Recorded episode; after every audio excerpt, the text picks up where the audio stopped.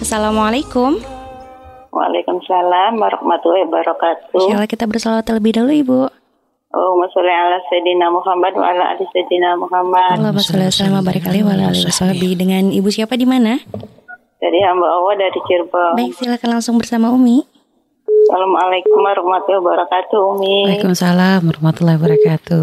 Umi izin bertanya tapi di luar tema. Boleh, Ibu. Saya kan orang awamnya Mi, jangan sampai salah menilai orang tuh. Iya benar. Kalau misalkan ada orang yang tidak berkunut, tidak bertahlil dan tidak bermaulid, apakah dia itu dipastikan sebagai penganut Wahabi Umi? Mohon pencerahannya. Assalamualaikum warahmatullahi wabarakatuh. Waalaikumsalam warahmatullahi wabarakatuh. wabarakatuh. Baik ya, ada orang nggak mau kunut, nggak mau tahlil, terus nggak mau apa tadi? Nggak mau maulid. Maulid, iya. Apakah ya mungkin saja ibu ya artinya karena mereka kan punya ciri-ciri. Jadi kadang setiap akidah itu ada ciri-cirinya gitu ya.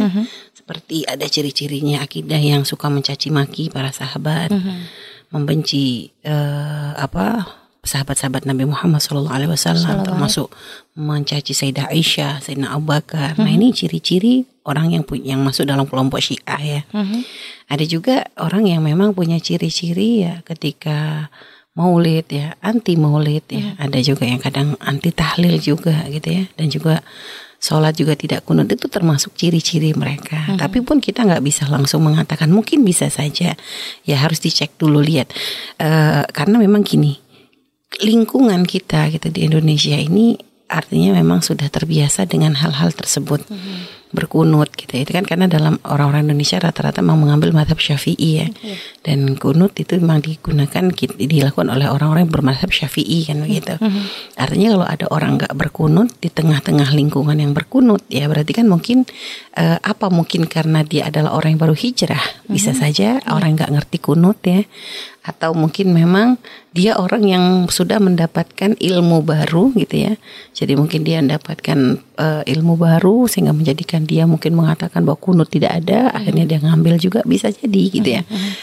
Artinya ya kita kalau melihat orang nggak usah terlalu di ini lagi dia tidak mengganggu kita karena memang sebenarnya masalah tahlil, masalah maulid bukan suatu yang wajib kok, Iya. bukan perkara yang wajib.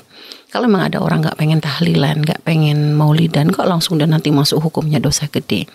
Yang dosa itu di saat mereka mencaci orang lain yang ingin berusaha menyuju kepada Allah dengan perkara yang baik gitu loh.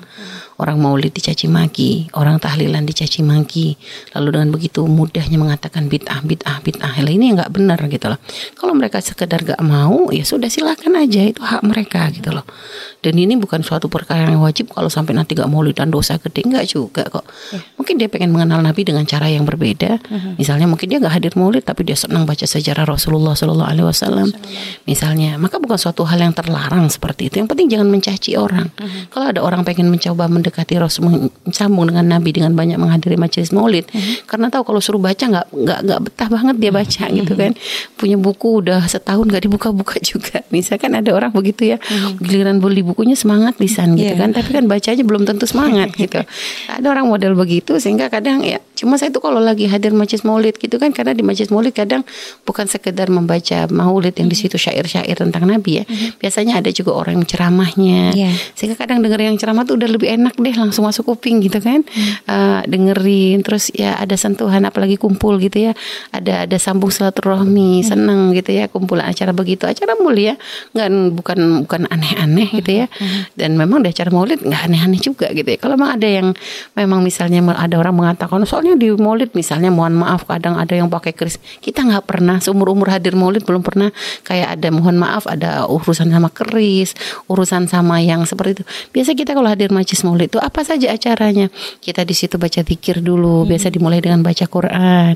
Setelah membaca Quran nanti kita membaca eh, buku-buku maulid yang disusun oleh para ulama dari sejarah ringkas tentang sejarahnya Rasulullah Sallallahu Alaihi Wasallam dibaca dengan gasidah-gasidah yang juga eh, tidak eh, diiringi dengan dengan gendang ya. Yang ini ada satu tabuhan yang diperkenankan dan pernah di, dilihat oleh Nabi waktu itu Nabi pernah mengajak Sayyidah Aisyah bahkan untuk menu- melihat itu dan juga perempuan-perempuan begitu ya terhormat tempatnya.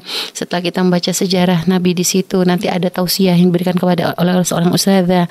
Setelah itu nanti kalau sudah selesai acara baru setelah itu nanti ya dari tuan rumah kadang dengan kelapangan hati mereka memberikan jamuan untuk yang hadir. Nanti kita ngobrol sama silaturahmi, apa yang salah coba? gitu ya. Artinya gitu. Jadi kalau misalnya kita melihat ada orang nggak mau, ya selagi dia tidak mencaci, tidak merendahkan, biarin saja, nggak usah kita pusing. Ya, hanya memang biasanya mereka punya ciri-ciri seperti itu. Cuma nggak boleh juga langsung kita klaim, oh ini oh, akidahnya sesat ya, nggak juga. Mungkin bisa karena tadi kami sampaikan, mungkin memang karena memang dia adalah orang yang tidak terbiasa dengan itu semua ya, atau mungkin orang yang baru hijrah sehingga nggak pernah datang maulid, nggak pernah datang tahlil. Dia juga adalah orang yang mungkin nggak ngerti tentang kun bisa jadi gitu ya. Jadi seperti itu. Jadi jangan gampang juga kita menilai orang lain. Hanya memang kalau ada orang yang seperti itu memang kita harus eh, apa artinya jangan sampai nanti orang-orang yang seperti itu tuh menguasai masjid-masjid kita menguasai musola-musola kita. Kalau ada orang-orang dengan ciri seperti itu lalu ingin menguasai masjid dan musola maka kita halangi. Karena biasanya nanti mereka akan membuat banyak-banyak perubahan ya. Ujung-ujungnya nanti begitu traweh langsung di jadi delapan ya. Habis gitu kalau nanti habis adzan nggak boleh namanya ada pujian-pujian yang biasa dibaca. Biasa kan kalau kita waktu kecil dulu ya sering banget gitu ya kalau sudah habis adzan itu kan ada anak kecil yang baca pujian gitu kan.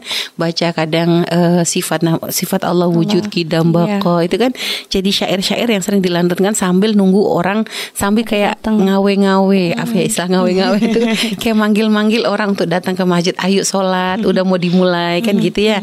Biasa sekarang tuh jarang banget gitu loh.